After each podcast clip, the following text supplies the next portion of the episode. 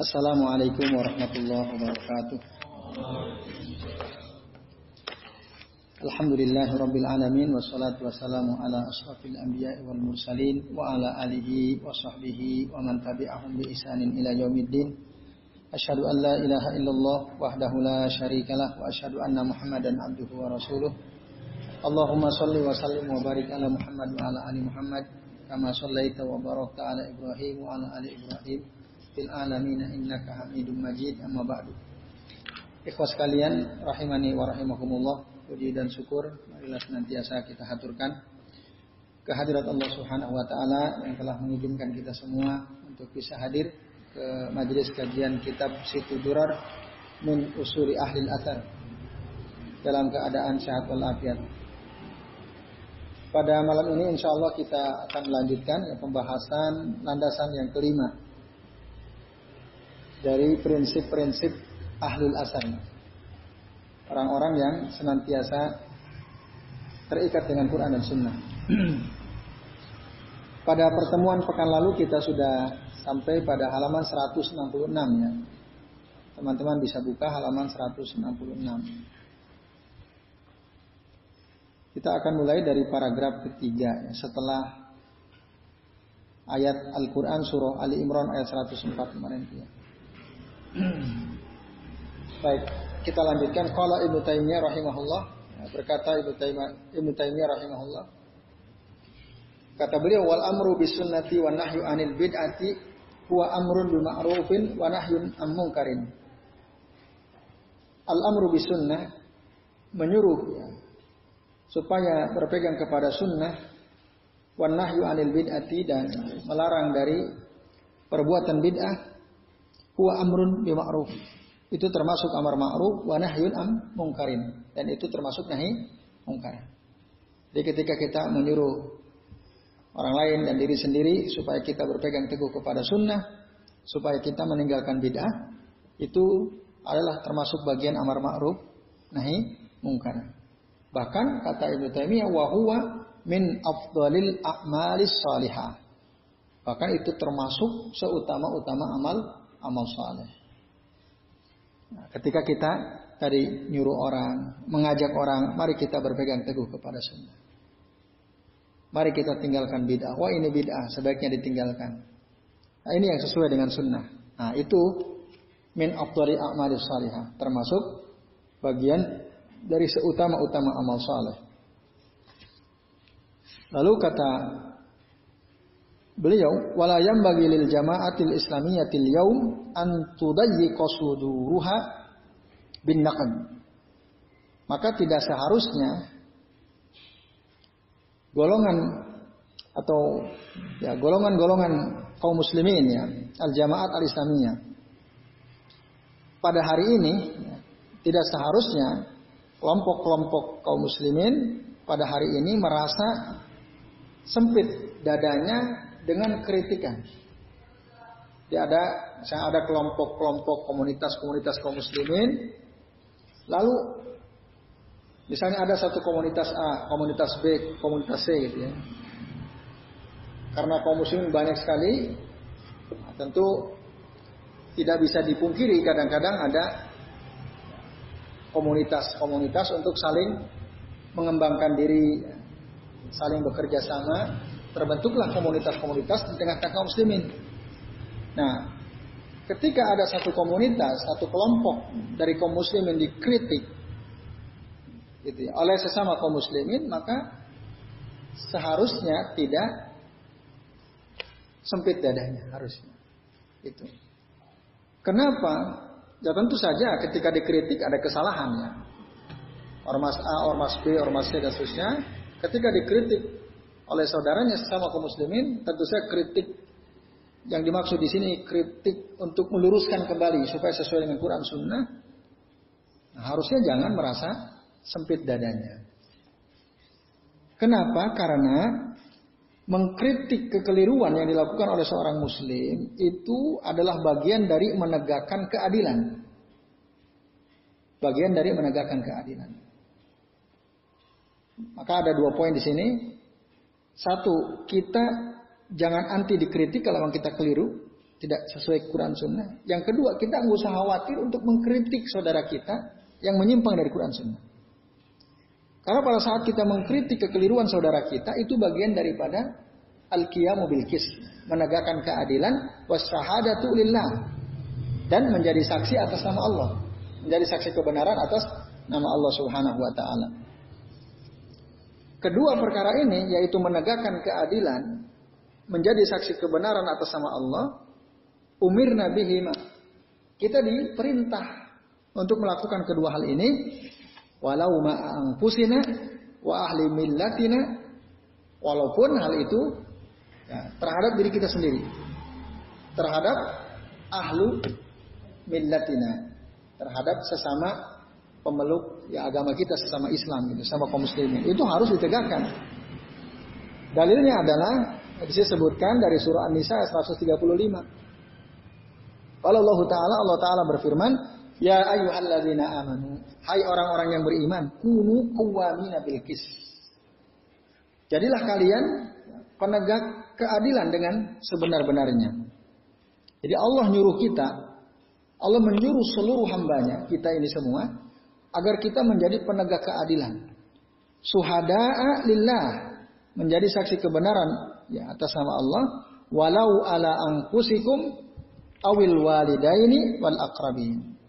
Meskipun pada diri sendiri, pada orang tua kita, ayah ibu kita, atau pada kerabat kita. Ya kalau orang tua kita salah, kita harus bilang salah. Jangan dibela. Ada keluarga kita, paman kita, pak lepade kita, kakak kita, adik kita salah, kita harus katakan salah. Kalau memang apa yang dilakukan dia bertentangan dengan Quran dan dan Sunnah. Bahkan bapak kita sendiri atau ibu kita sendiri, kalau salah kita harus tegakkan keadilan, kita katakan ini salah. Nah, itu maksudnya. Iya kun ghaniyan au faqiran fallahu aula bihima. Seandainya orang yang terdakwa salah tadi keadaannya kaya atau miskin, maka Allah lebih tahu lebih tahu daripada kita, lebih tahu kemaslahatannya daripada kita atas keduanya itu, atas yang kaya atau yang miskin itu. Artinya, ya kaya atau miskin, kalau dia memang bersalah, ya harus ditegakkan hukum. Hukum harus ditegakkan. Lalu Allah mengatakan, wala tattabi'ul hawa anta'dilu. Janganlah kalian mengikuti hawa nafsu untuk menyimpang. Antak dulu di sini ya, ada mengartikan untuk berbuat adil. Jangan mengikuti hawa nafsu untuk berbuat adil. Atau ada yang mengartikan janganlah kalian mengikuti hawa nafsu untuk menyimpang dari kebenaran. Wa intalu au tu'ridu. Jika kalian talu di situ berbohong, ya, nanti di bawah itu ada sebutkan auto ridu atau berpaling fa Allah kana bima ta'maluna khabira. Sesungguhnya Allah Maha mengetahui dengan apa yang kalian kerjakan. Al-layu wal kadhib wal i'rad huwa al-kitman ya. Kama qala Ibnu Taimiyah rahimahullah kata kalimat terakhir dari dari ayat 135 dari surah An-Nisa ini yaitu wa intalu itu al-layu artinya al-kadhib berdusta. Tu'ridu itu dari kata al-i'rad, makna asalnya adalah berpaling, tapi yang dimaksud di sini adalah al-kitman, menyembunyikan kebenaran. Maka Allah tahu dengan apa yang kalian kerjakan. Nah.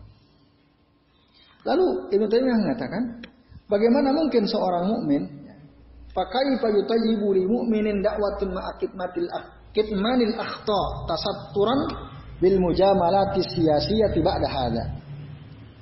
Bagaimana mungkin seorang muslim bisa menerima ya, suatu dakwah bersamaan dengan itu dia menyembunyikan kekeliruan-kekeliruan yang ada ya, dalam tadi menyembunyikan kekeliruan yang ada dengan cara bil mujamalati siyasiyah Mujamalah itu berasal dari kata jamil ya, jamil e, berbaik-baik itu secara politik atau kalau di sini di, di kitab terjemah sebutkan toleransi politik. Gitu.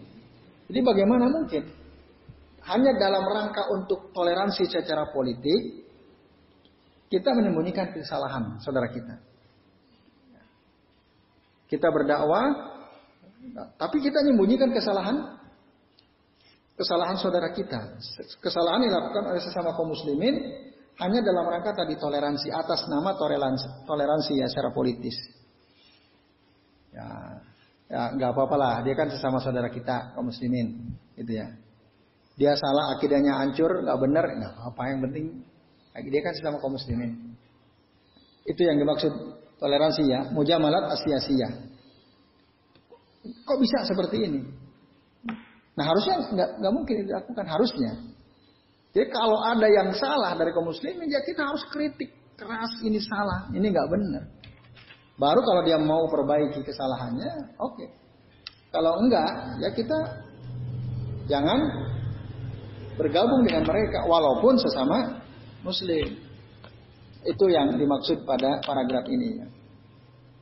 Nah itulah cara menegakkan keadilan dan cara menjadi saksi kebenaran atas nama Allah.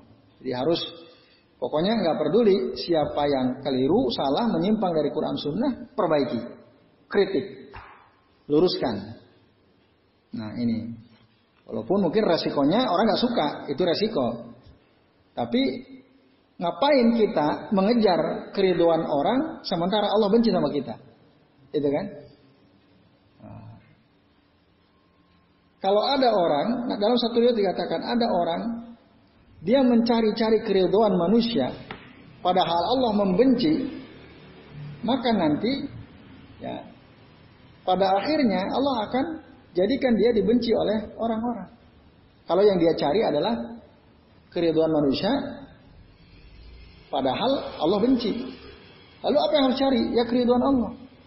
Barang siapa yang mencari ridho Allah, Nah, maka Allah ridho kepadanya dan pada saatnya Allah akan menjadikan orang-orang ridho kepada dia. Nah ini teman sekalian. Jadi kadang-kadang memang gitu ya. Kita sering, aduh nanti kalau saya lakukan ini, saya kritik ini dan itu orang nggak senang sama saya. Orang benci kepada saya. Akhirnya nggak jadi meluruskan orang. Itu itu penyakit yang sering kali menghinggapi diri kita masing-masing. Kadang-kadang saya pun seperti itu. Nah, itu sebenarnya keliru ya sikap seperti itu. Harusnya ya kita kritik, kita luruskan. Walaupun mungkin nah, cara mengkritik itu yang ah ya ah,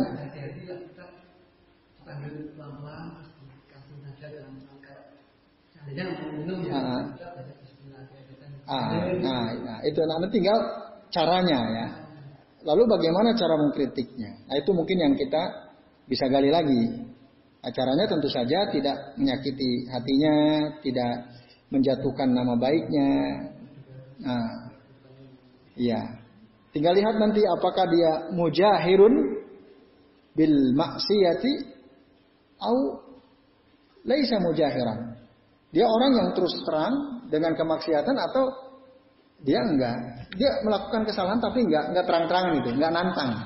Nah itu. Kalau yang nantang ya, mari kita jelaskan secara terbuka. Tapi kalau dia maunya dia nggak diketahui orang gitu ya. Ya, maka kita nasihati dengan tadi empat mata, tidak menjatuhkan harga dirinya dan seterusnya. Tapi kritiknya harus disampaikan. Ya, saya kira itu yang kita bisa ambil dari paragraf pertama ini. Lalu walasaka annal ghirata allati auda Allahu fi qalbi kulli mu'minin ala maharimihi hiya allati tuharrikuhu ilal qiyam bi hadzal wajibi. Dan tidak diragukan lagi bahwa kecemburuan atau kepedulian yang Allah letakkan pada hati setiap orang beriman atas pelanggaran terhadap syariat-syariat Allah. Saya ulangi ya, tidak diragukan lagi bahwa kecemburuan yang Allah letakkan, kepedulian yang Allah letakkan pada hati setiap orang beriman terhadap pelanggaran-pelanggaran atas syariat-syariat Allah hiyallati tuharrikuhu ilal qiyami bihadzal wajibi. Itulah dia nah, faktor yang menggerakkan seseorang untuk menegakkan kewajiban ini. Kewajiban ini adalah tadi menegakkan keadilan dan menjadi saksi kebenaran atas nama nama Allah. Nah, itu pada diri, pada hati setiap orang mukmin itu harusnya itu ya ada kecemburuan, ada kepedulian. Lah kok dia melanggar syariat Allah? Lah kok dia menentang perintah-perintah Allah misalnya. Harusnya peduli ya setiap orang Islam. Cemburu, ada cemburu dalam hatinya. Nah, dan itu memang Allah, Allah diletakkan pada hati setiap kita. Nah, contoh konkretnya gimana?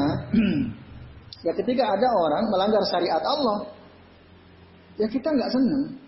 Kok bisa ya dia melakukan hal ini? Nah, itu ada ada apa yang menggerakkan hati kita. Kok bisa seperti ini orang ini? Nah, itu pada dasarnya ada ya. Pada diri setiap hati seorang mukmin. Hanya saja uh, seperti yang pernah kita bahas bahwa hati setiap kita itu bisa saja menjadi kotor, tertutup oleh bintik-bintik hitam karena kita tergoda oleh godaan syaitan. Hari kita berbuat maksiat ngikutin hawa nafsu. Nah, semakin kita ngikutin hawa nafsu, bintik-bintik hitam semakin tebel. Kalau udah tebel, ya udah. Kata Rasul, kalau hati sudah aswad, ya, kalkuz muzkhiyan la ya'rifu al-ma'ruf wa la yunkiru al-munkar. Kalau hati itu sudah hitam kelam seperti bagian bawah panci, kotor sekali, Akhirnya dia sudah tidak lagi tahu yang ma'ruf. La ya'rifu al-ma'ruf wa la yunkiru al-munkar. Dan tidak bisa mengingkari kemungkaran. Ada nanti saat hati seseorang seperti itu. Nah, kalau masih bersih, dia ngelihat kemaksiatan, pasti hatinya berontak. Oh kok begini? Nah, itu ya terus sekalian, azan ya Allah wa ajmain. Ada orang tua membiarkan anaknya minum khamar, oke, kok, kok bisa ya orang tua membiarkan anaknya minum khamar? Kok bisa ya orang tua membiarkan anak wanita gadisnya keluar pakai pakaian seksi sekali. Padahal usianya sudah balik ya. Kok bisa? Nah, saat kita masih begitu, berarti masih lumayan bersih itu hatinya. Girohnya masih ada ya. Nah, lalu Nabi uh, Nabi Nabi uh, Nabi Shallallahu Alaihi Wasallam ya, kama kala Nabi Wasallam seperti yang dikatakan oleh Nabi SAW, Inna Allah Taala yaghar. Sesungguhnya Allah Ta'ala cemburu. Wa innal mu'mina yaghar. Orang beriman juga bisa cemburu. Wa ghiratullahi ayyatiyal mu'minu ma harramallahu alaih.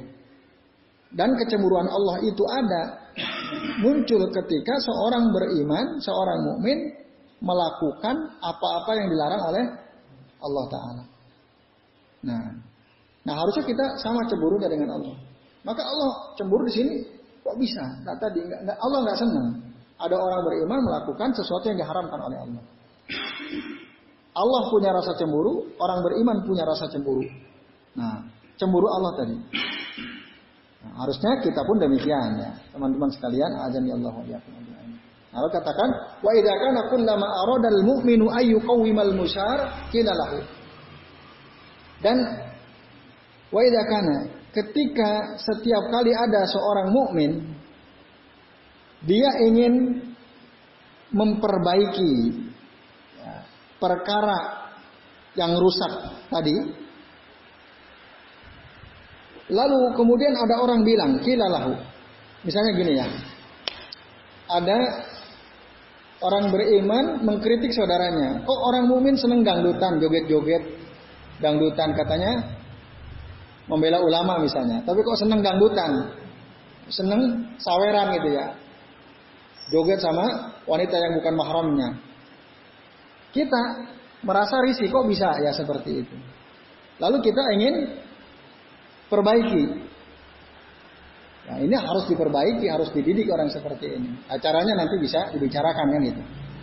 Nah, lalu ada orang bilang, "Laisa zal waqt wal kufaru mutarabbisun." Ini bukan waktunya untuk saling mengkritik. Nah, ada orang bilang gitu. Kenapa? Itu loh orang-orang kafir sudah menunggu kita untuk menghantam kita. Jadi nggak usah ribut sesama orang Islam itu. Ngapain ngeributin sesa, ribut sesama dengan sesama kaum muslim? Itu loh, ada orang kafir jelas-jelas nunggu kita misalnya. Nah, ada orang bilang gitu, padahal kita ingin memperbaiki kesalahan. Nah, kalau itu yang dikatakan pamata ya arifu akhtaahu. Maka kapan orang yang keliru akan tahu kesalahannya? Joget-joget dengan pedangdut saweran apalagi nyentuh-nyentuh, salah apa benar? Salah apa benar? Salah kan? Nah, tapi kalau kita biarin, nggak apa-apa, sesama kaum muslimin ada yang lebih besar yang harus kita hadapi. Nanti dia tahu nggak kesalahannya? Dia nggak akan tahu, karena nggak ada yang nasehatin. Dianggapnya benar aja yang seperti itu. Kan bahaya kan? Alhamdulillah banyak saya kira tokoh-tokoh yang ya, lewat medsos memberikan nasihat-nasihat bahwa ini nggak benar, ini udah menyimpang dan seterusnya. Nah harus begitu. Wa mata yuhjamu anha. Nah, lalu kapan akan uh, terus ditahan ya amar ma'ruf nahi mungkar itu. Wa mata yasihul maridu wa yuqawwid dhaif. Kalau dibiarkan terus, kapan orang sakit akan sembuh? Kapan orang lemah akan kuat? Maksudnya, kalau orang dibiarkan terus dalam kesalahannya, orang yang melakukan kan sebenarnya sama dengan orang sakit. Orang yang melakukan kesalahan, menyimpang dari syariat, itu sama saja dengan orang sakit. Nah, kalau dia dibiarkan, Kapan dia tahu salahnya? Kapan dia tahu sah? sakitnya? Orang seperti itu lemah ilmunya, lemah imannya. Kalau kita nggak kasih tahu, kapan kuat imannya? Dia akan lemah terus kan? Nah, makanya perlu dikritik, perlu diperbaiki. Waqad ruya Waqad rawa waqad rawa Abu Hurairah radhiyallahu anhu an Rasulillah sallallahu alaihi wasallam qala ada satu hadis yang diriwayatkan oleh Abu Hurairah radhiyallahu anhu dari Nabi Shallallahu alaihi wasallam di mana Rasul bersabda, "Al mu'minu mir'atul mu'min." Orang beriman itu adalah cermin bagi orang beriman lainnya. Wal mu'minu akhul mu'min. Orang beriman itu saudara bagi orang beriman lainnya. Yakufu alaihi di'atahu. Dia menjaga uh, supaya ya, menjaga barang hilangnya ya, supaya barangnya tidak hilang dan dia melindunginya dari belakang. Supaya orang beriman itu tidak celaka gitu ya. Maka orang beriman itu harus saling melindungi, saling menjaga harta bendanya. Nah, apa yang dimaksud hadis ini? Kenapa hadis ini dikutip? Ini hadis sahih ya, riwayat Imam Abu Daud dan ini sahih. Artinya orang beriman itu cermin bagi Orang beriman lainnya. Kalau dia melihat orang lain, saudaranya kok keliru. Nah, kan cermin tuh. Wah, berarti kita seneng nggak kalau kita lihat di kaca kita, kita kelihatan wajah kita rusak. Enggak kan? Wajah kita buruk gitu. Paling nggak seneng kita. Nah, orang beriman itu ada cermin bagi orang beriman lainnya. Nah, kalau orang beriman saudara kita rusak, ya itulah cerminan kita. Nanti orang memandang mukmin itu ya seperti saudara kita kan gitu.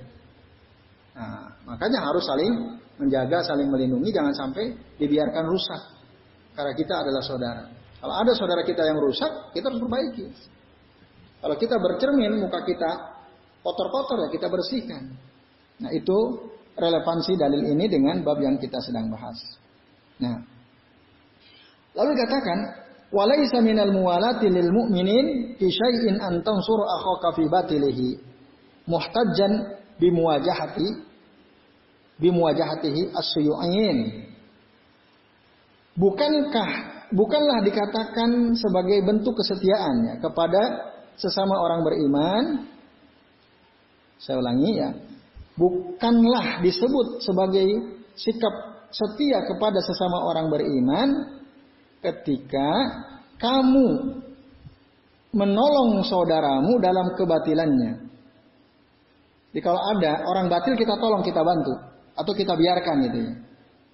Ini bukan cerminan sikap setia kawan. Kan kita sama saudara kita, sama teman kita, sama sesama muslim harus setia kawan. Tahu setia kawan ya? Ya mualat ini, mualat. Mualat dalam bahasa Arab al mualat. Saling setia itu kan saling melindungi, ya kan? Saling bantu. Ketika susah sama-sama saling bantu. Nah, sikap setia kepada orang beriman itu tidaklah ya, digambarkan atau tidaklah ter apa teraktualisasi lewat atau dengan cara kita menolong saudara kita dalam kebatilannya. Hanya dalam rangka untuk tadi alasannya katanya untuk menghadapi orang-orang ateis orang-orang komunis gitu ya. Jadi kalau ada sesama saudara kita orang beriman, dia melakukan kebatilan, biarin. Om teman kita, nggak ada masalah. Yang harus kita lakukan sekarang adalah bagaimana menghadapi orang-orang komunis gitu ya, orang-orang ateis. Nah, itu. Nah, itu. Jadi kalau ada orang Islam salah, nggak ada masalah. Nah, kalau di kita masalahnya orang komunis ateisnya ya orang Islam sendiri, gitu ya. orang orang komunisnya ya para pendorong komunisnya orang sesama orang Islam sendiri gitu. Nah, ya itu lebih double lagi gitu ya. Itu harus betul-betul diperbaiki gitu ya. Nah, tapi maksudnya tadi kalau ada saudara kita salah, itu harus dikritik, harus diperbaiki. Bagaimana cara mengkritik memperbaikannya? Nah, sebenarnya saat kita mengkritik saudara kita yang bersalah, apa ya? Ya tadi mengkritik ya, saudara kita yang keliru, yang menyimpang, itu sesungguhnya kita lagi nolong dia aslinya. Maka kalau kita keliru dinasehati oleh teman kita, harusnya terima kasih. Karena sesungguhnya dia sedang menolong kita. Nah, misalnya, antum misalnya, ada di antara antum, pacaran gitu ya, santai, berpegangan, wah enggak, antum anggap itu biasa, gitu ya ke mana-mana berdua para belum nikah itu biasa. Tahu-tahu ada teman ngeritik, nasihati ya. Bro, ini nggak boleh bro. Ente muslim kan? Iya, iya ente ke mana-mana bawa pacar ente pegang-pegangan itu haram bro. Misalnya ada yang ngasih tahu, misalnya ada di antara antum. Gimana kira-kira sikap antum? Kesel apa enggak? Nah, kemungkinan kebanyakan orang kesal digituin kan? Pacaran itu nggak boleh. Apalagi kalau diomongin depan pacarnya. Tambah marah ini. Tambah marah dia. Nah, tapi sebenarnya ketika ada saudara kita nasihati kita seperti itu, dia lagi nyelamatin kita. Karena kita berbuat zalim. Ya kan? Hadisnya jelas. Di sini sebutkan dari Anas bin Malik radhiyallahu anhu, anna Rasulullah sallallahu alaihi wasallam qol Sesungguhnya Rasulullah SAW bersabda, unsur akhaka zaliman au mazluman. Tolong saudaramu yang zalim maupun yang dizalimi. Nah, coba perhatikan tolong saudaramu yang zalim atau yang dizo, dizalimi. Bisa kita masuk akal kan? Kalau menolong orang yang dizalimi jelas ya. Nah, maka sahabat gila, ada sahabat bertanya, "Ya Rasulullah, duhai Rasulullah, Hada nansuruhu mazluman. Duhai Rasul, ini kita paham. Kalau kita menolong orang yang dizalimi, kita ngerti. Memang orang yang dizalimi harus di harus ditolong. Lalu sahabat bertanya, "Fakaifa nansuruhu zaliman?" Bagaimana kita bisa menolong seseorang padahal dia berbuat zalim? Kan itu ya. Apa kata Nabi? Tahjizuhu au tamna'uhu min Cara Anda menolong orang yang berbuat zalim adalah mencegah dia, menghalangi dia dari perbuatan zalimnya. Itulah Anda sedang menolong dirinya. Tadi kalau ada teman antum pacaran, belum nikah, ke mana-mana berdua-duaan, ya, pegang-pegangan erat-erat. Lalu antum nasihati dia. Tadi, eh, bro itu haram bro. Nanti bro, ya. Ah, kalau mau ente nikah dulu kita ngomong gitu supaya kamu jangan begitu. Itu zalim bro misalnya. Ah sebenarnya kita lagi nolong dia. Harusnya dia terima kasih. Oh terima kasih. Kamu sudah meluruskan saya. Selama ini saya lupa. Harusnya kan gitu. Terima kasih harusnya. itu kalau sudah tahu ilmunya kan. Kalau belum tahu marah-marah. Ditantang gelut kamu sini macam-macam. nah ini ya teman sekalian. Nah itu. Itu kata Nabi. Jadi cara menolong orang zolim itu hentikan dari kezalimannya.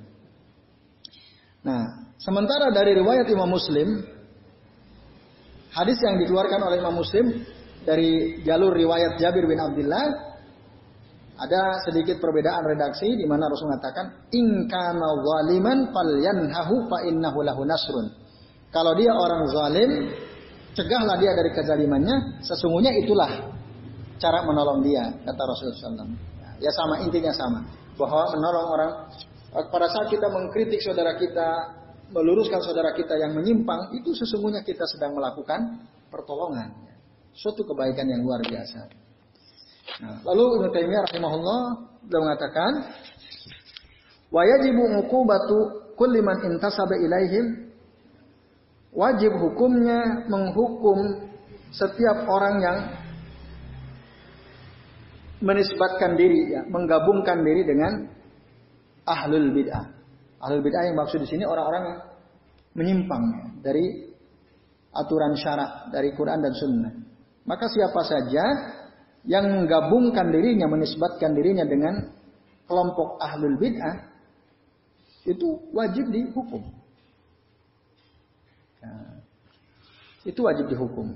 Au zabba'anhum atau membela mereka. Misal ya, misal ada sekelompok orang membela hak-hak orang-orang yang senang berhubungan sesama jenis itu ya, gay atau lesbian misalnya. Ada kan komunitasnya. Atau transgender LGBT gitu ya. Kan ada tuh. Saya punya teman tuh. Dia membela hak-hak mereka. Ya, maka siapa saja yang bergabung dengan orang-orang yang menyimpang dari aturan syarat atau membela mereka itu wajib dihukum. Termasuk orang-orang yang memuji-muji mereka. Orang yang memuliakan tulisan-tulisan mereka. Atau orang yang diketahui suka menolong mereka. Menolong ahli bidah tadi. Orang yang menyimpang-menyimpang itu. Atau orang-orang yang membenci kalau kita membahas kesalahan-kesalahan ahlul bidah. Kita ngomong ya, ini ahlul bidah ini begini-begini, dia ini menyimpang di sini di sini. Eh ada orang nggak suka dengan kita, dia benci dengan kita. atau orang yang memberikan uzur, ya nggak apa-apalah. Kita kan mereka kan nggak sama dengan kita. Masing-masing orang kan punya kecenderungan itu. Jadi mereka itu nggak salah misalnya. Beri uzur. Nah. Lalu ada orang bilang di anna hadal kalam la yudra ma huwa au man qala innahu uh, sunifa hadal kitab. Atau ada perkataan ahlul bid'ah lalu kita tahu sumbernya si fulan. Lalu ada orang yang membela si fulan. Oh, sesungguhnya ini nggak tahu ini kata-kata siapa. Padahal jelas yang ngomong si fulan gitu ya, orang yang menyimpang ini. Ada orang bilang enggak, ini bukan kata-kata si fulan. Lalu ada si, si fulan ahli bidah ini atau membela ahli bidah dia menulis buku. Gitu.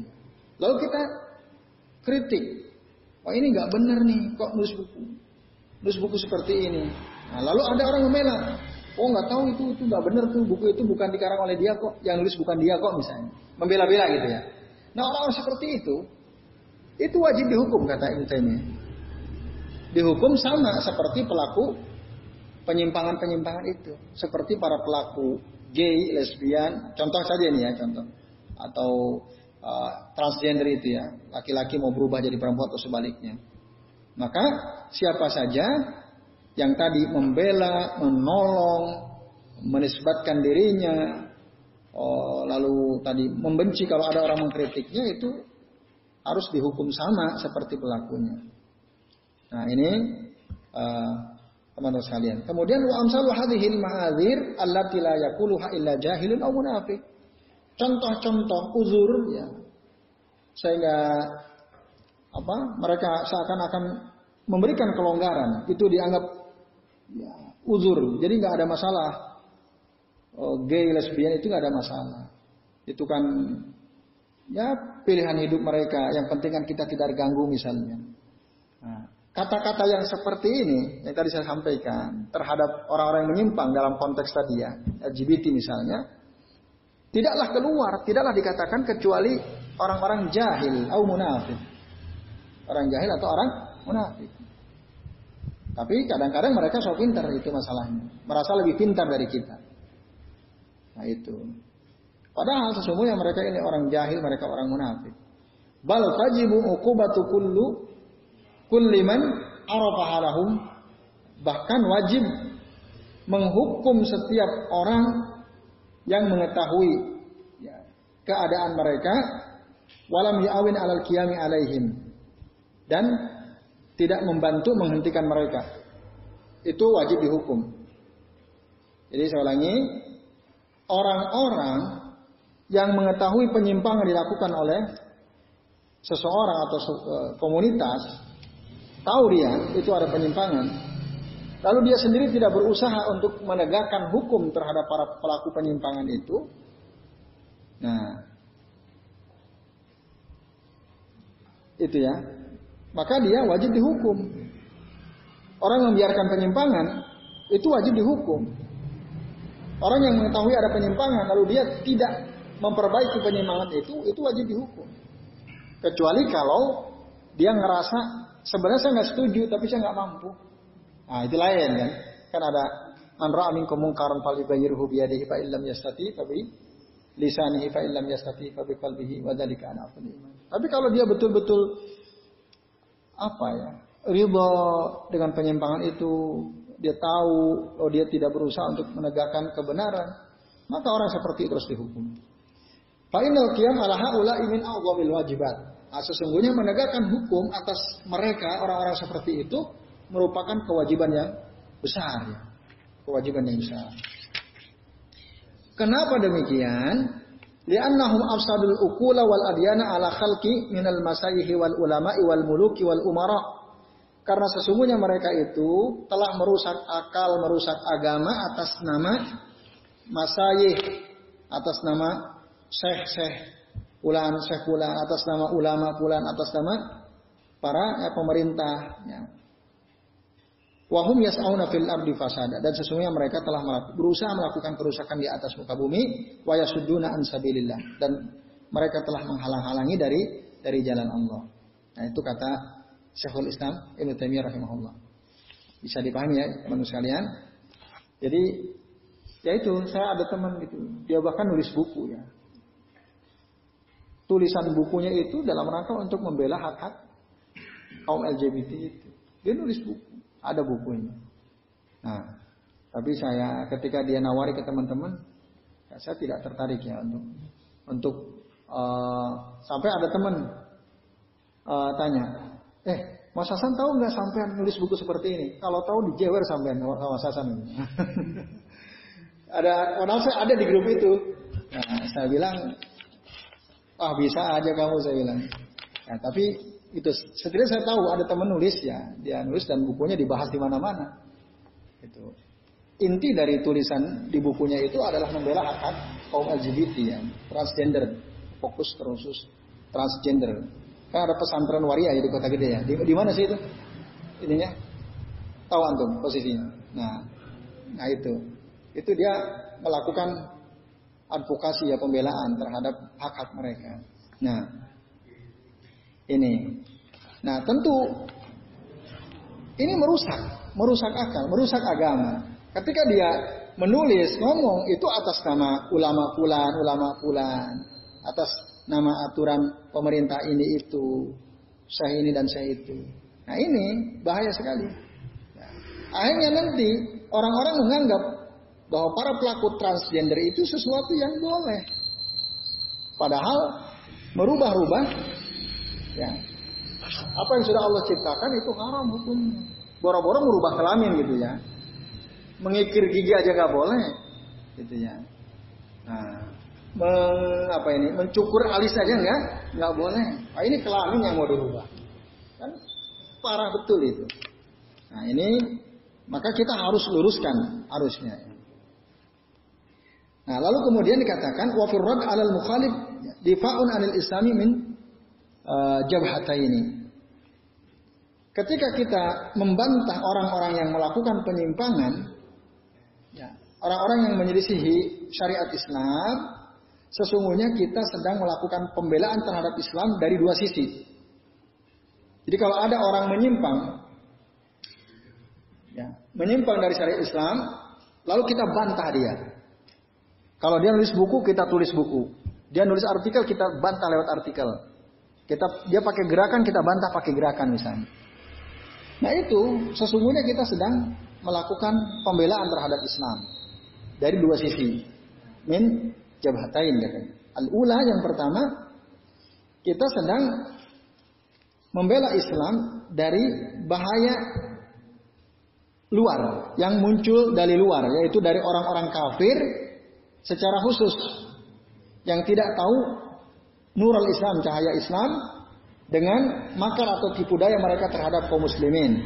Nah, yang memerangi kaum muslimin dan telah menghancurkan sendi-sendi akidah kaum muslimin, akhlak kaum muslimin dan pemerintahan serta hukum kaum muslimin.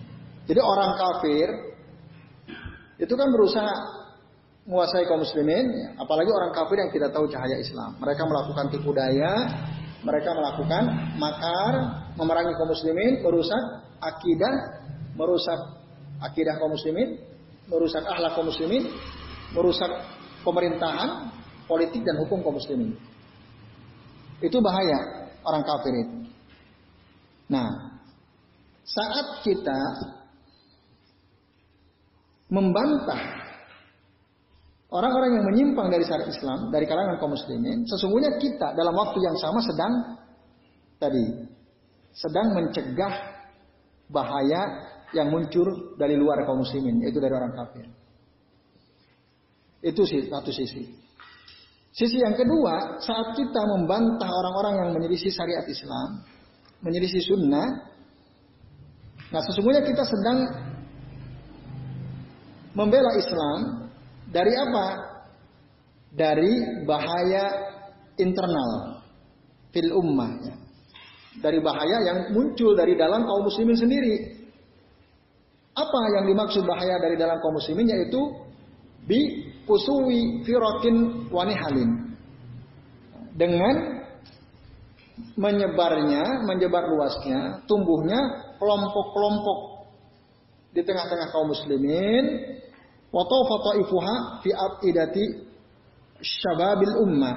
Yang kemudian tokoh-tokoh dari kelompok-kelompok yang menyimpang itu akan mewarnai hati para generasi muda di umat ini. Nah, jadi perpecahan di tengah-tengah umat dengan banyaknya kelompok-kelompok masing-masing merasa benar, padahal sebenarnya menyimpang itu bahaya sekali. Nah, Dengan banyaknya kelompok-kelompok itu, itu berbahaya sekali ya. Atas nama agama tentu saja, atas nama agama. Maka, ya, bahaya internal yang mengatasnamakan bahasa baju agama ini bisa menghancurkan modal kaum muslimin ya. Modal besar kaum muslimin itu bisa hancur. Jadi ada orang merusak dari dalam, buat firqoh, firqoh, firqoh, firqoh. Nah, kalau di Islam itu kan ada firqoh Mu'tazilah, ada firqoh Syiah, ada firqoh Qadariyah, ada firqoh Jabariyah dan lain-lain ya secara akidah misalnya. Nah, lalu tersebarlah kelompok-kelompok itu banyak sekali di dalam Islam.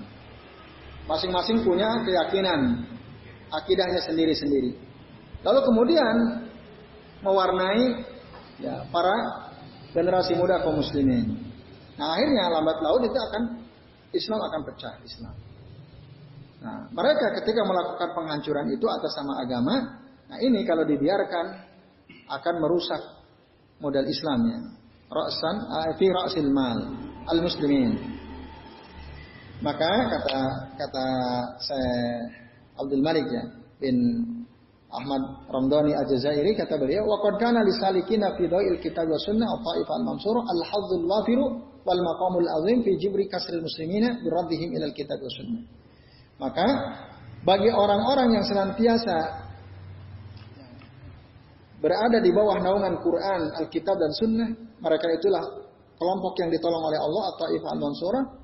Mereka memiliki andil besar, memiliki peran yang besar dalam apa? Dalam rangka fiji beri kasril muslimin. Dalam rangka menangkal perpecahan kaum muslimin. Caranya gimana? Biroddihim ilal kitab wa sunnah. Dengan mengembalikan mereka kepada Al-Quran dan, dan sunnah. Nah ini teman sekalian. Maka ini kalau kita ingin punya peranan dalam rangka untuk menangkal perpecahan di tengah-tengah kaum muslimin tidak ada caranya kecuali kita punya ilmu dari Quran dan Sunnah, minal kitab wa sunnati. Nah, di situlah lalu kita berusaha menangkal perpecahan, ya, meluruskan yang keliru, berbasiskan Quran dan Sunnah tadi. Nah, wazalika bitahtimi ma qamat alaihi tilkal firq al mufarraqah. Yaitu dengan cara apa? Menghancurkan ya, dasar-dasar yang telah yang dijadikan apa pijakan oleh kelompok-kelompok tadi kelompok-kelompok yang landasannya batil ditinjau dari syariat dari timbangan syariat Islam. Nah ini. Jadi maksudnya gimana? Kalau kita betul-betul pelajari Quran dan Sunnah, lalu kita amalkan Quran Sunnah itu, Nah itulah nanti yang disebut at-ta'ifah al-mansurah. Maka kata Rasul, la yazalu min ummati ta'ifatun. Akan senantiasa ada di dalam umatku ini sekelompok orang. Zahirina al-haq. Yang senantiasa berada di atas kebenaran, membela kebenaran. La yadurruhum man khalafahum. Tidak membahayakan mereka orang-orang yang menyelisih mereka atau la yadurruhum man khazalahum. Tidak akan membahayakan mereka orang-orang yang menghina mereka. Hatta ya'tiya amrullah. Hatta hatta taquma as-sa'ah. Sampai datang perintah Allah atau sampai datang hari kiamat. Jadi akan senantiasa ada di tengah-tengah umat Islam ini orang-orang yang benar, lurus, ada. Tapi nggak banyak, Taifah itu sedikit. Nah orang-orang yang sedikit ini karena dia senantiasa berpegang teguh dengan Quran Sunnah akan ditolong oleh Allah. Pokoknya siapa saja yang berpegang teguh dengan Quran Sunnah pasti akan ditolong oleh Allah Subhanahu Wa Taala. Itu pasti. Nah, maka orang-orang ini kelompok kaum muslimin yang Taifah Mansurah ini dia bisa memiliki peranan yang besar saat dia berusaha mengembalikan saudara-saudaranya kaum muslimin yang menyimpang itu kepada Quran dan sunnah. Caranya gimana tadi? Hancurkan dasar-dasar atau fondasi kesesatan mereka. Alias kita kalau itu ada misalnya buku tadi ya yang memprovokasi kaum muslimin lalu menghancurkan uh, kemudian Islam misalnya lalu kita kritik kita buat buku kita tulis buku dan seterusnya. Kalau ada orangnya sering ceramah gitu ya padahal isi ceramahnya itu uh, mendorong terjadinya perpecahan gitu ya. Dia fanatik terhadap kelompoknya, menyalah-nyalahkan orang lain gitu ya. Padahal dia salah, padahal. Ngomongnya itu nggak berdas, berdasarkan dalil gitu ya, tapi berdasarkan fanatisme. Nah orang-orang seperti itu maka kita harus hancurkan dasar-dasarnya, landasannya. Dengan cara gimana ya? Kita sampaikan bahwa orang ini keliru. Dia nggak benar. Dalam Islam nggak seperti itu dan seterusnya. Nah, tapi tadi kita harus tentu kembali pada Quran Sunnah. Dalilnya seperti apa dalam Al-Quran, dalam Sunnah seperti apa dan seterusnya. Nah, ini teman sekalian. Lalu kemudian dikatakan uh, wa min donain donainil ilmi ma qara'tuhu li Ibnu Taimiyah fi tamyiz baina muamalatil khawarij wa muamalatil kufar wa huwa yarfa'u al-lubsul mutabadir ila al-adhan al-qalilah min ba'dil ahadits allati Ilharu minha annal khawarij syarru minal kufari mutlaqan wa anna sahabah lam yukaffiruhum. Nah. Pelajaran berharga yang bisa aku dapatkan dari apa yang aku baca, kata saya Abdul Malik ya. Yang aku baca dari tulisan Ibnu Taimiyah di dalam membedakan antara bagaimana cara berinteraksi dengan orang khawarij dan berinteraksi dengan orang-orang kafir ya, dalam rangka untuk menyingkap ya, kekacauan pikiran Ya. Dan kedangkalan ilmu dalam memahami sebagian hadis Allah yadharu minha yang nampak darinya bahwasanya orang khawarij itu syarrun minal kufari mutlaqan. Orang khawarij itu lebih bahaya daripada orang kafir secara mutlak. Ma'anna sahabat lam yukaffiruhum. Meskipun para sahabat Nabi tidak mengkafirkan orang khawarij. Nah, inti dari paragraf ini adalah bahwa orang-orang khawarij, siapa orang khawarij? Orang khawarij itu firqah ya, yang menyimpang dari Islam. Selain ada Syiah tentu saja, ada Mu'tazilah, ada Khawarij. Nanti ada Murji'ah juga. Nah, nanti ada kitab yang membahas masalah siapa sih Murji'ah, siapa sih Syiah, siapa Mu'tazilah, ciri-cirinya apa termasuk Khawarij ini. Nanti itu bagian dari bab akidah juga. Bahwa orang-orang Khawarij Sejarahnya orang Khawarij itu muncul saat terjadi konflik antara Ali bin Abi Thalib dengan Muawiyah bin Abi Sufyan. Setelah terbunuhnya Utsman bin Affan radhiyallahu anhu.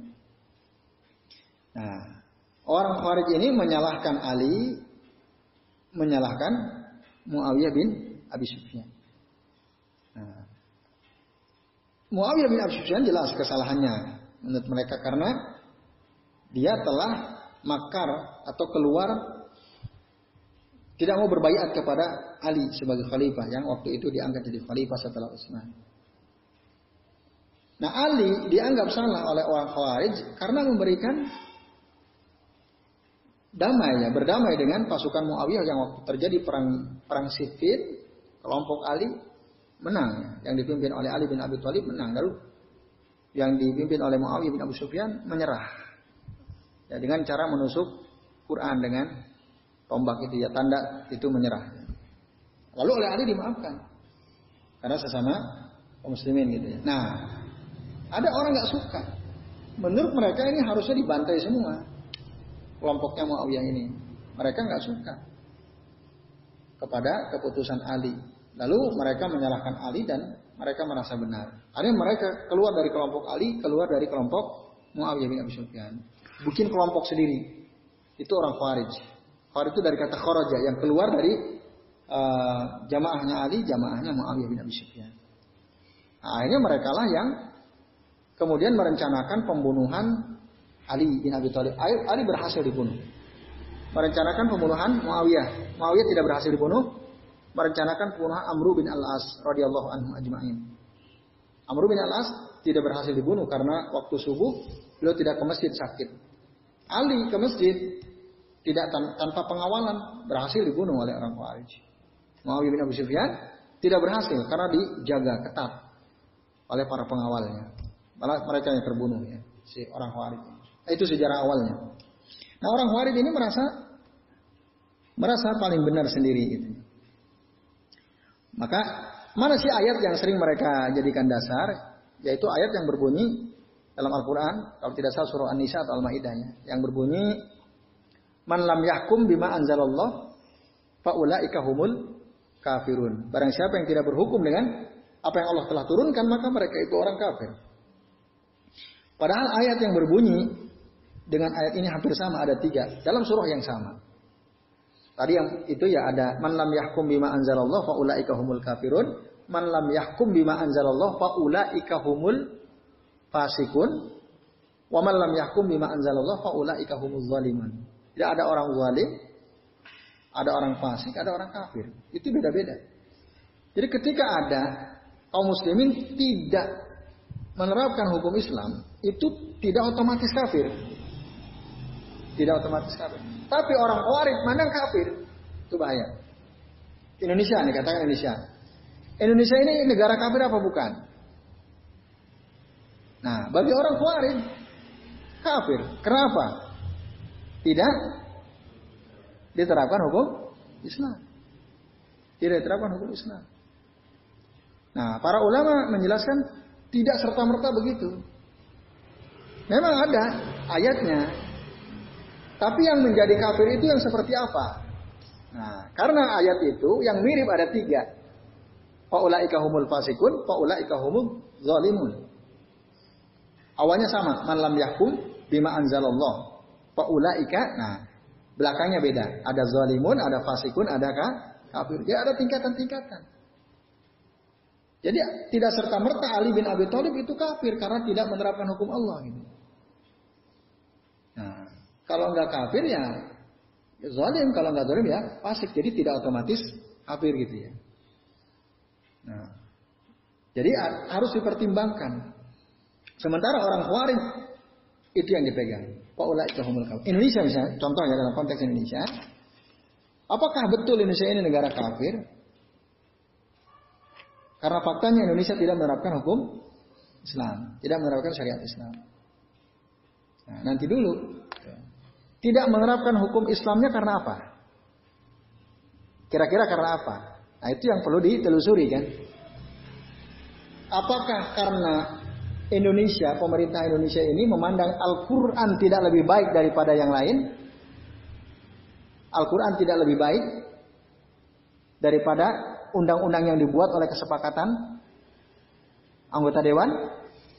Apakah itu alasannya tidak sehingga syariat Islam tidak diterapkan?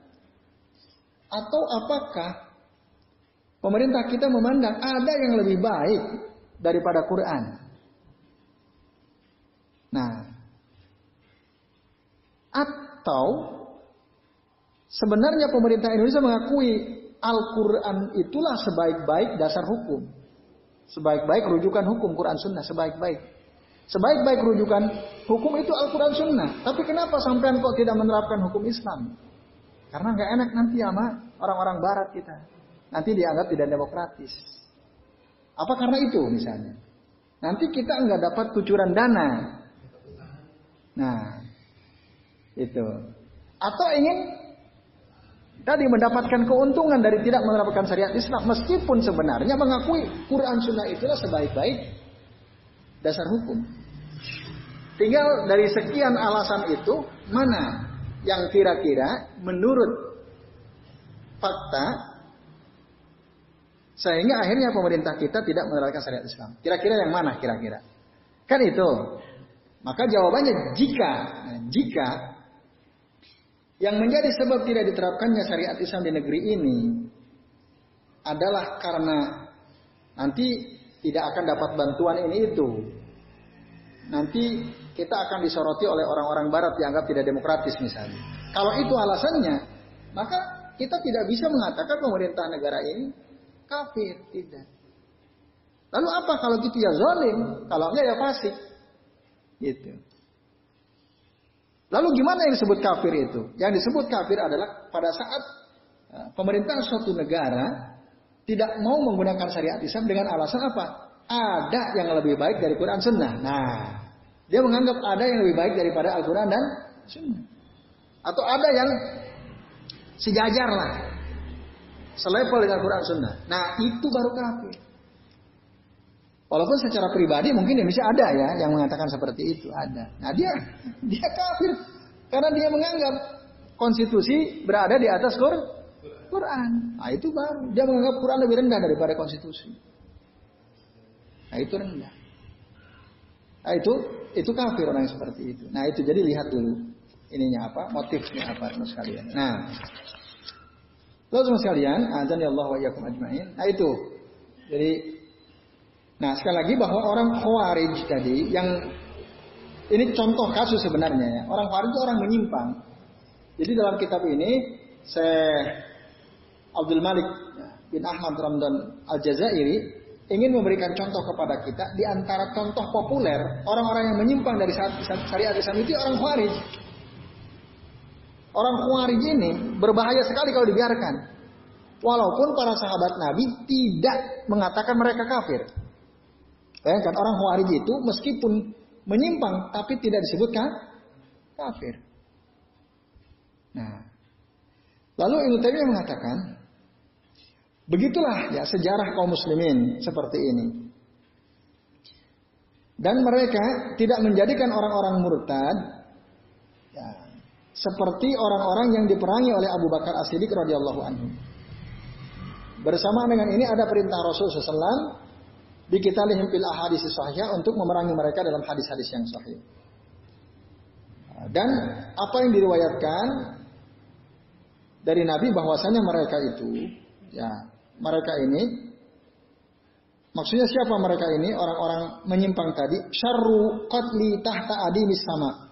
Seburuk-buruk peperanganku di bawah kolong langit. Khairu qatilin man qataluhu. Dan mereka itu sebaik-baik uh, orang yang dibunuh. Sebaik-baik ya orang yang yang diperangi man qataluhu. Bagi orang yang membunuhnya. Jadi orang orang Khawarij itu adalah orang yang Kalau kita berperang sama mereka itu seburuk-buruk peperangan di bawah kolong langit. Dan kalau mereka terbunuh, ya itulah sebaik-baik yang terbunuh. Orang-orang Khawarij yang kita bunuh gitu ya. Hadis yang diriwayatkan oleh Abu Umamah. Lalu dalam hadis riwayat Imam At-Tirmidzi dikatakan, "Annahum sarun 'alal muslimin min ghairihim." Orang Khawarij itu lebih buruk daripada selain mereka terhadap kaum muslimin, lebih berbahaya kepada kaum muslimin daripada selain mereka. Kenapa fa innahum lam yakun lam yakun ahadun sarran al muslimin minhum. Karena tidak ada seorang pun yang lebih buruk daripada mereka terhadap kaum muslimin, tidak ada yang lebih berbahaya daripada mereka selain kaum, eh, terhadap kaum muslimin, lal yahud walan nasara. Tidak pula orang Yahudi dan tidak pula orang Nasrani. Kenapa? Karena orang-orang Khawarij itu fa innahum kanu mujtahidina fi qatli kulli muslimin lam yuwafiqahum. Karena orang-orang Khawarij itu mereka berusaha untuk membunuh setiap muslim yang tidak sependapat dengan mereka. Mustahilina di dima'il muslimin menghalalkan darah kaum muslimin wa amwalihim dan harta mereka wa qatli auladihim dan membunuh anak-anak mereka. Mukaffirina lahum dan mengkafir-kafirkan kaum muslimin ya. Wa kanu mutadayyinina bidzalika. dan mereka itu ya, beragama dengan cara seperti itu. Kenapa li azmi jahlihim wa bid'atihim mudallah mudillahnya karena besarnya kejahilan mereka dan bid'ah mereka yang menyesatkan. Nah ini hadis yang disebutkan dalam hadis riwayat Imam At-Tirmidzi tentang bahaya orang-orang menyimpangnya, orang khawarij. Atau bahwasanya orang khawarij itu dikatakan di sini aqallu jarimatan minal kufari fil mizanil amil akhir. Sesungguhnya orang khawarij itu kesalahannya lebih sedikit daripada orang kafir dalam timbangan amal di hari akhir kelak.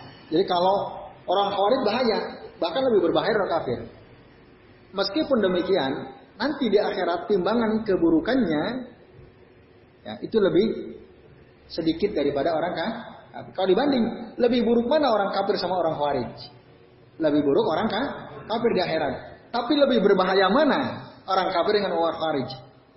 lebih berbahaya orang khawarij. Bisa dipahami ya? Jadi orang yang merusak dari dalam itu lebih parah, bahaya, lebih berbahaya daripada orang kafir. Ya itu orang munafik itu nanti akhirnya orang munafik kan. Orang munafik susah diidentifikasi. Ketika pun teridentifikasi, nanti kalau kita perangi Rasul sendiri kan nggak mau nanti Muhammad dikira membunuh saudaranya sendiri, temannya sendiri. Susah keadaan orang munafik itu. Nah, nah itulah maka bahaya sekali. Bahaya sekali orang-orang yang rusak dari dalam. Nah, tapi tadi mereka lebih sedikit keburukannya dibanding orang kafir. Karena apa? Mereka orang-orang kafir itu lari dari meninggalkan kekafiran ya. Minal kufri faru mereka lari dari kekufuran. Tetapi jika dilihat dari bahaya yang bisa menimpa kaum muslimin atau penderitaan yang dirasakan oleh kaum muslimin dari mereka Nah, atau apa yang mereka lemparkan dari siksaan dan cobaan pahum a'zamu syarran minal kufar. Maka mereka orang-orang farid ini lebih buruk, lebih berbahaya daripada orang-orang kafir. Kenapa demikian? Karena ya, orang-orang kafir itu tidak lam yakhlis la yakhlisul kufaru ilal muslimina kama yakhlisu ilaihim haula. Karena orang-orang kafir itu tidak menghantam kaum muslimin sebagaimana orang-orang khawarij menghantam kaum muslimin. Walidzalika qad tuqaddima uqubatuhum fid dunya qabla. Oleh karenanya orang-orang khawarij itu ya, diawalkan hukumannya di dunia. Jadi orang khawarij itu dihukum di dunia supaya apa? Nanti di akhirat selesai. Di akhirat selesai. Orang kafir enggak, karena nanti orang kafir akan dihukum di hari akhir ya di akhirat. Sedikit lagi, perhatikanlah apa yang dikata di pemahaman Ibnu Taimiyah ketika beliau mengatakan dalam dua halaman tadi bahwa hukuman terhadap orang Khawarij di dunia itu dalam rangka untuk mencegah bahaya mereka terhadap kaum muslimin. Ya. Jadi maka mereka harus dihilangin, ya dihukum. Meskipun wa ingkana fil akhirah khairan mimman lam yu'akib kama yu'akib al-muslimin al-muta'addi lil hudud walam yu'akib ahlu zimmati minal yahudi wan nasara. Nah, meskipun di akhirat orang Khawarij itu lebih baik daripada orang yang tidak dihukum ketika ada di dunia. Sebagaimana seorang muslim yang melanggar aturan-aturan Allah dihukum di dunia, sementara ahlu zimmah orang kafir Yahudi dan Nasrani tidak dihukum gitu ya. Ketika melakukan uh, suatu pelanggaran terhadap syariat Allah, tidak seperti kaum muslimin ya. Kaum muslimin langsung disegerakan hukumannya, orang kafir tidak. Wal muslimu fil akhirati khairun khairum minhum. Orang Islam itu di akhirat lebih baik daripada orang orang kafir. Nah, maka ada kiai saya bilang, antum pernah dengar barangkali ya. Kiai Haji Kiai Hasan Abdul Sahal itu Kiai Gontor bilang, sebaik-baik orang kafir di dunia itu, maka sejelek-jelek sejelek-jelek manusia di akhirat. Sebaik-baik orang kafir, sehebat apa pun orang kafir di dunia, tapi di akhirat jelek-jeleknya orang. Itu. Tapi seburuk-buruk orang Islam di dunia, di akhirat tetap baik. Lebih baik dari orang kafir setidaknya. Ya atau tidak? Ah, setidaknya lebih baik orang kafir. Masih ada harapan masuk surga. Nah. Kan sering tuh di kita itu, ada orang mengagung-agungkan orang kafir. Ada ya? Membela-bela orang kafir. Maka waktu itu Kiai Hasan Abdul Sahal ceramah di Istiqlal itu. Wah, itu kan viral juga sempat. Jadi sebaik-baik orang kafir itu ya seburuk-buruk orang nanti di akhirat. Karena dia pasti masuk neraka. Orang kafir pasti masuk neraka. Kalau dia mati dan itu abadi. Nah, misalnya dia pinter, dia tegas, dia oh macam-macam. Baik menurut orang, tapi nanti di akhir seburuk-buruk manusia. Artinya apa? Jangan milih pemimpin orang kafir. Itu artinya. Lebih baik milih pemimpin sesama kaum muslimin meskipun mungkin banyak kurangnya. Ya, tapi kelak di akhirat ya ada harapan masuk surga sebaik-baik orangnya. Nah, itu itu maksudnya misalnya. Nah, itu ya wal muslimu fil akhirati khairum minhum. Maka jagalah ini, gigitlah masalah ini dengan gigi gerahamu dan uh, jangan gentar ya dalam rangka apa? Tatahawa baina yadaika asakira al-batil al-mu'attilah li mujahadatil bid'ah wa ahliha. Untuk menghadapi kebatilan ya, untuk menghadapi bid'ah dan para pelakunya. Jadi jangan gentar ya. Kaula ikal kailin sebagaimana mereka berkata illam takunu ma'ana fa antum ma'ahum. Jadi kalau kalian tidak bersama kami memerangi orang-orang ahlul bid'ah itu berarti kalian bersama ahlul ahlul bid'ah. Nah itu dua pilihannya. Kalian mau ikut memerangi ahlul bid'ah atau kalian akan bersama mereka. Diam saja kalian. Auka auka ulaika ilqailin tuwajihuna sihamakum ila ikhwanikum wal ilmaniyuna wasuyu'yuna ansyatu ma yakununa fi nasri khilafati bainikum. Atau seperti orang-orang yang berkata, apakah kalian akan menghadapkan anak panah kalian kepada saudara-saudara kalian? Nah, sementara orang-orang ateis, orang-orang komunis, ya sangat getol, sangat semangat untuk menyebarkan perpecahan di antara kalian. Nah ini. Jadi ada orang bilang tadi, apakah kalian bersama kami atau kalian bersama mereka? Lalu ada orang bilang, apa kalian mau mengarahkan anak panah kalian kepada saudara-saudara kalian? Yang pertama itu, ayo kita perangi. Gitu. Ahlul bid'ah, orang-orang menyimpang. Kalau kalian nggak mau, berarti kalian bersama mereka. Yang lain ngompori, apa kalian mau manahin saudara-saudara kalian sendiri? Itu loh ada musuh yang lebih besar. Artinya menahan. Udah, nggak usah dikritik, nggak usah diperbaiki. Orang-orang Islam yang keliru itu, biarin aja. Yang harus kita hadapi itu loh. Orang-orang ateis, orang-orang komunis gitu ya. Nah itu maksudnya. Lalu Ibnu mengatakan, jadi ya atau karena itu takhiru sabilillah wa dinihi wa, wa min hajihi wa sir'atihi wa dab'i bagi haula'i wa adawanihim ala dalika wajibun alal kifayati bittifaqil muslimin. Karena itu membersihkan ya, jalan Allah, agama Allah, min haji dan syariat Allah dan mencegah kezaliman mereka ya, orang-orang yang menyimpang tadi atau memusuhi mereka atas kezalimannya merupakan kewajiban yang sifatnya wajib kifayah berdasarkan kesepakatan kaum muslimin. Nah, walaula man yuqimuhullahu lidaf'i dhararin haula ila fasadadin. Seandainya nggak ada orang yang melakukan tadi pencegahan terhadap bahaya dari mereka, maka rusaklah agama ini. Dan karena fasaduhu a'dhamu min fasadi istilahil adui min ahli haram. Dan kerusakan yang disebabkan oleh orang-orang munafik ya, orang-orang menyimpang dari dalam itu itu lebih besar kerusakannya daripada ketika kita dikuasai oleh musuh ahlul harb, maksud oleh kafir harbi. Kalau kita nah ini, kalau kita dikuasai oleh orang-orang yang menyimpang, ya, menyimpang, dan dia dari sesama kaum muslimin, tapi menyimpang dia, rusak gitu ya, akidahnya rusak. Itu lebih berbahaya kerusakannya daripada kita dikuasai oleh orang kafir harbi. Menurut Ibnu Taimiyah Kenapa?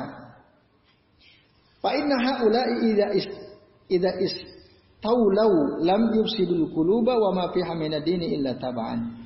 Karena orang-orang kafir harbi itu, kalau dia, mereka menguasai kita, menguasai kaum muslimin, itu tidak merusak hati, hati-hati kaum muslimin, dan tidak merusak agama kaum muslimin kecuali ya secara perlahan-lahan. Awalnya nggak akan merusak, mereka hanya menguasai saja wilayah kaum muslimin, tapi agama kaum muslimin, hati-hati kaum muslimin dibiarkan dulu, walaupun nanti lambat laun akan ya hancur juga seperti Spanyol gitu kan, ketika dikuasai oleh orang kafir, ya lambat laun kan hancurin juga. Mau Islam bertahan dalam Islam, uh, mau tinggal di sini atau pergi ya. Kalau kamu bertahan dalam Islam silahkan pergi jangan tinggal sini. Kalau kamu tinggal di sini ya tinggalkan Islam. Kalau kamu ngotot ya bunuh, perangi kan habisin. Kan gitu. Itu akhirnya begitu juga akhirnya. Nah, ya kejam. Tapi wa amma ulaika dan sedangkan orang-orang yang menyimpang dari dalam, seperti orang Khawarij itu, fahum yusidunal quluba ibtidaan. Mereka itu bisa merusak hati dari awal. Dari awal. Itu lebih berbahaya gitu, bahayanya. Walaupun kalau kita disuruh milih, lebih memilih mana dikuasai oleh orang kafir harbi atau dikuasai oleh orang-orang menyimpang. Ya nggak mau semua, ya. Ya. Nggak mau semua. Nah semoga saat ini kita tidak sedang dikuasai oleh orang-orang menyimpang gitu ya, yang yang merusak gitu ya, memecah belah ya. Semoga tidak demikian. Tapi kalau iya itu bahaya sekali, bahkan lebih bahaya daripada orang kafir gitu. Lalu dikutiplah hadis Nabi riwayat Imam Muslim ya qala Nabi sallallahu alaihi wasallam inna Allah la yanzuru ila suwarikum wa amwalikum wa innama yanzuru ila qulubikum wa amalikum. Sesungguhnya Allah tidak melihat kepada ya, bentuk kalian dan kepada harta harta kalian wa innama yanzuru ila qulubikum wa amalikum. Sesungguhnya Allah lihat adalah hati dan amal perbuatan kalian. Apa munasabah relevansi hadis ini dengan bab yang kita sedang bahas? Coba Anda perhatikan ya. Sesungguhnya Allah tidak melihat kepada bentuk kalian dan harta benda kalian, tetapi yang Allah lihat adalah hati dan amal amal kalian. Maksudnya tadi orang warid bentuknya amalannya sama seperti kita, gitu ya. Hartanya juga tidak boleh diambil begitu saja. Haram kita ambil hartanya sebagaimana kita haram mengambil harta sesama kaum muslimin. Itu orang waris, ya bentuknya sama seperti kita. Tapi Allah tidak lihat. Karena yang Allah lihat itu adalah hati dan amal perbuatan mereka. Keyakinan mereka yang maka siapa saja yang hatinya, keyakinan dalam hatinya rusak, uh, lalu kemudian amal perbuatannya menyimpang dari syariat Islam, nah itulah yang jadi tolak ukur. Jadi kalau soal bentuk, soal harta, nah orang bisa saja beda-beda gitu ya. Orang bisa saja berbeda-beda dan itu tidak ada masalah. Nah, Jadi di hadapan Allah orang yang harta oh ini kaya, ini miskin, oh ini ganteng, ini kurang ganteng. Itu nggak dinilai di hadapan Allah. Allah tidak menilai dari sisi itu. Yang Allah nilai apa? Bagaimana keyakinan dalam hatinya, bagaimana amal perbuatannya. Nah itu itu maksud uh, dikutipnya hadis ini dalam bab yang kita sedang bahas. Jadi saya kira ini teman sekalian apa yang kita bisa bahas ya dalam pertemuan malam ini. Semoga bermanfaat. Insya Allah nanti kita lanjut lagi di pertemuan yang akan datang. Nah selebihnya ada waktu sedikit barangkali ada di antara teman-teman sekalian yang mau bertanya kami persilakan. Kalau ada yang dianggap menjelas. Ya silakan Mas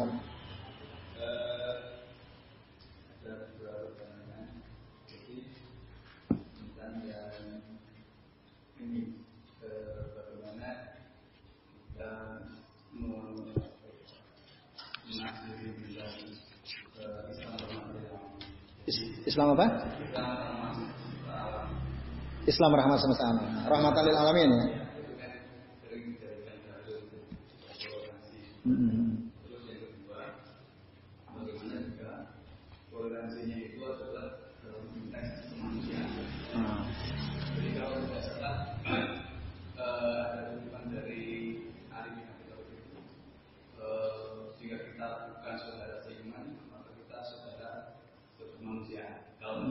Mm-mm. Terus uh, yang ketiga uh, bagaimana juga kita mengambil uh, buah pikiran seorang yang pada kita tahu dia itu melakukan suatu katakan penyimpanan meskipun pikiran itu tidak serta merta tentang agama yang bisa sedang sosial atau tapi baik intinya isi buah pikirannya baiknya ya Ya, terima kasih Mas Afri. Ada tiga pertanyaan ya. Yang pertama, apa yang dimaksud Islam rahmatan lil alamin ya, dikaitkan dengan pembahasan kita. Bukankah Islam itu agama yang rahmat ya, kasih sayang bagi seluruh alam? Betul. Itu sesuatu yang faktual dan tidak bisa dibantah. Memang Islam itu rahmatan lil, lil alamin. Nah, lalu kemudian yang kita bahas barusan ini, ya misalnya tadi ya, uh, mengoreksi orang-orang yang keliru, yang menyimpang dari syariat Islam, justru itu adalah bentuk dari wujud konkret Islam rahmatan lil alamin. Sebenarnya, jadi Islam rahmatan alamin itu justru kita peduli terhadap tadi penyimpangan-penyimpangan kita lurusin, kita benerin. Itulah wujud konkret rahmatan lil alamin. Jangan membiarkan. Malah justru keliru ketika ada wah udahlah itu kan urusannya dia lah, nggak usah kita ngurusin dia, nggak usah kita mencegah dia. Islam kan rahmatan lil alamin. Nah ini keliru ya orang yang memahami membiarkan penyimpangan lalu berdalih dengan Islam rahmatan lil alamin ya itu nggak benar. Ada penyanyi dangdut gitu ya. Wah, goyangannya seksi. Lalu dibela-bela. Wah, ini ketika ada orang protes, orang ya menuntut supaya orang ini ditangkap atau dihentikan dari aksi-aksi pornografi gitu ya. Kemudian ada tokoh membela. Misalnya, Islam itu kan rahmatanil alamin, biarlah dia cari kehidupan. Ya mungkin dia bisa cari hidup ya dengan cara seperti itu. Jangan justru cegah-cegah. Nah, dalinya apa? Islam rahmatan lil alamin. Islam itu rahmat bagi seluruh alam. Oh dia akan cari uangnya seperti itu misalnya. Nah orang yang berargumen begini ini ya orang pasik. Justru kalau memang kita ingin mewujudkan Islam rahmatan lil alamin, hentikan dia dari kemaksiatannya, dari joget-joget serono, tidak seronohnya, joget-joget yang pornografi itu, lalu kita kasih kerjaan nih loh mbak. Jenengan mendingan kerja seperti ini.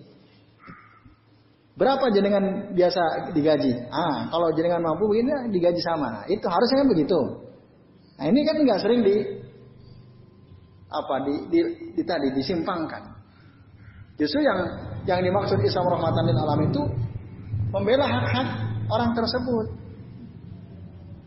Membela hak-hak para pekerja prostitusi misalnya, para penyanyi dangdut yang jogetnya itu apa dangdut koplo misalnya kan yang wah kayak gitu nggak beres nggak karuan itu ya. Nah, itu bukan Islam rahmatan lil alamin kalau begitu.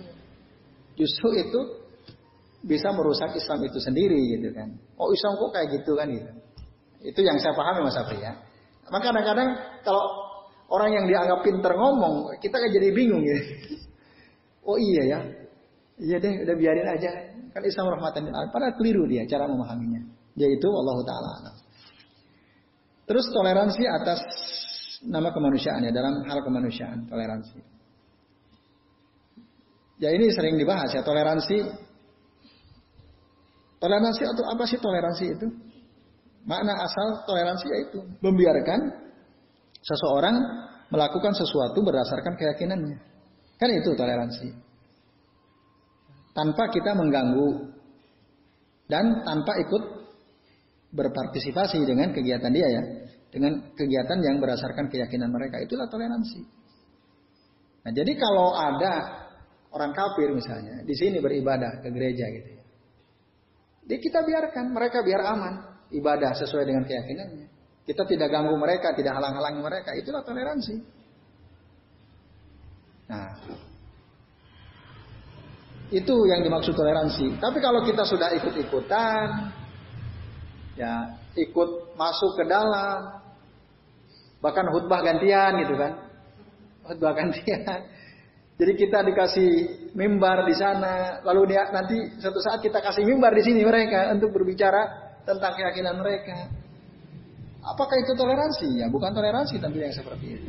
Toleran itu ya membiarkan seseorang melakukan sesuatu sesuai dengan keyakinannya tanpa kita ganggu kan itu. Nah, perlu di saat ingin lebih detail lagi apa yang dimaksud toleransi dalam kemanusiaan yang Mas Apri maksud itu misalnya.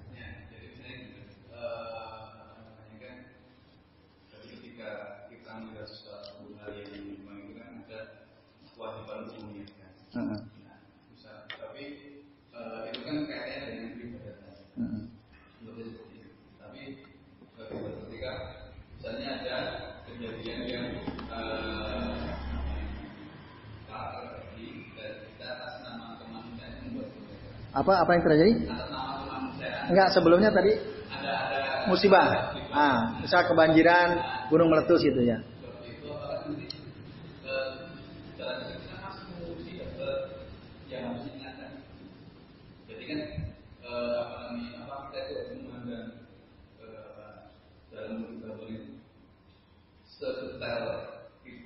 Jadi seolah nanti ketika kita membantu, kan kita juga bertoleransi dengan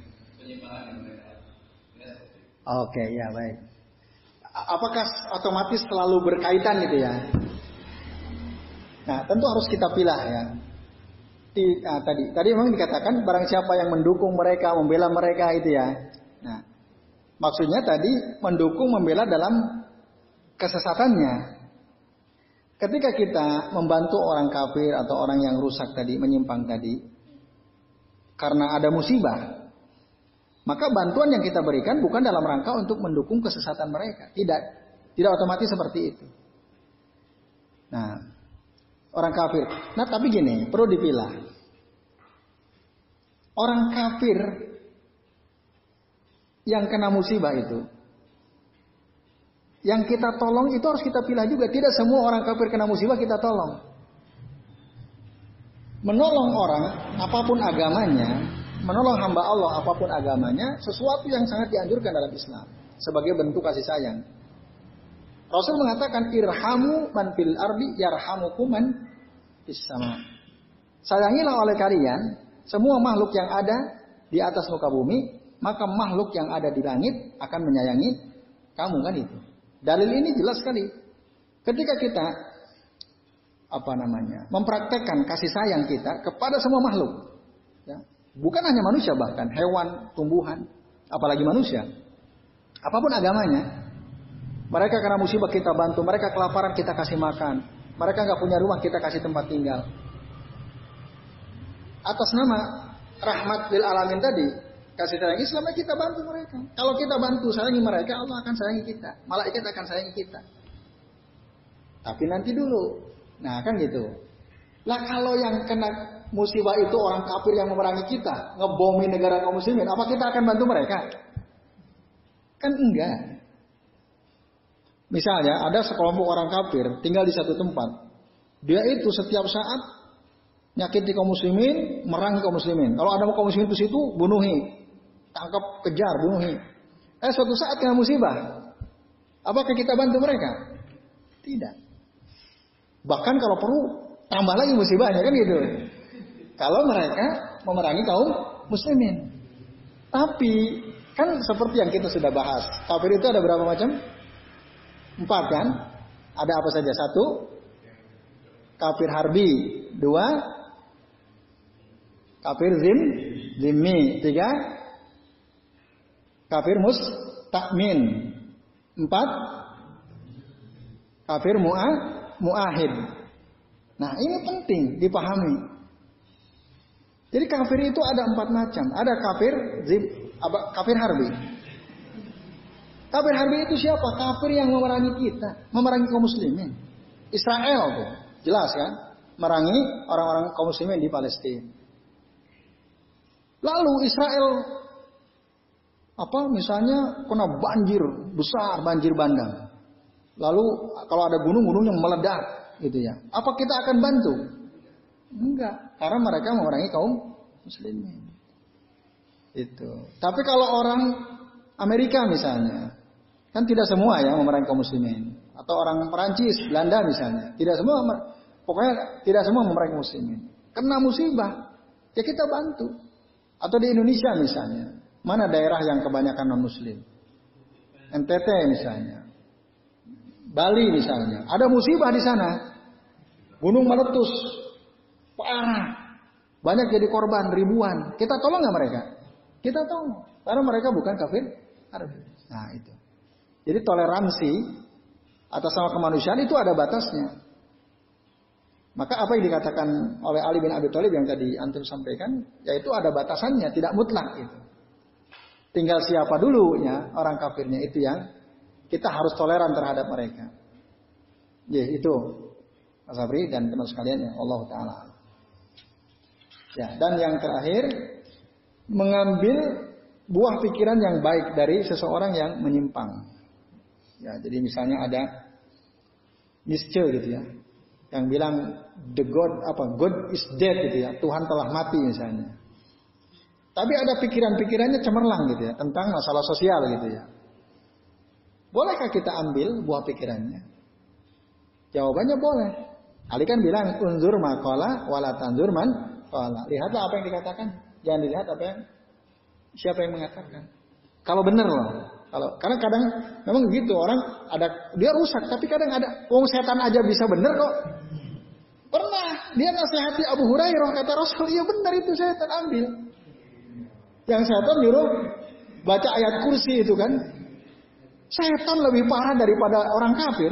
Itu tetap diambil nasihatnya. Apalagi orang orang kafir boleh. Nah, cuma catatannya Mas Apri dan teman sekalian, jangan sampai Tadi kita lebih bangga mengutip, menyebarluaskan buah pikiran seseorang, apalagi dia jelas rusak menyimpang. Kita lebih bangga menyebar buah pikiran mereka daripada kita menyebar Quran dan Sunnah atau perkataan para ulama yang soleh. Nah, tinggal itu saja. Kalau ditanya hukumnya boleh, tentu saja boleh. Allah Taala. Ya baik itu teman sekalian. Ya, semoga bermanfaat. Ini yang bisa kita bahas pada kesempatan malam hari ini. Mudah-mudahan bisa ketemu lagi pekan depan dan antum semua kita semua senantiasa dalam keadaan sehat walafiat. Amin ya Allah ya rabbal alamin. Uh, sebelum saya akhiri dan sebelum saya kembalikan waktu ke Mas Yoyo, eh Mas Sabdo ya. Saya mohon maaf bila ada kesalahan dan saya akhiri uh, sallallahu ala Muhammadin wa ala alihi wa sahbihi wa barik wasallim. Billahi taufiq wal hidayah. Wassalamualaikum warahmatullahi wabarakatuh.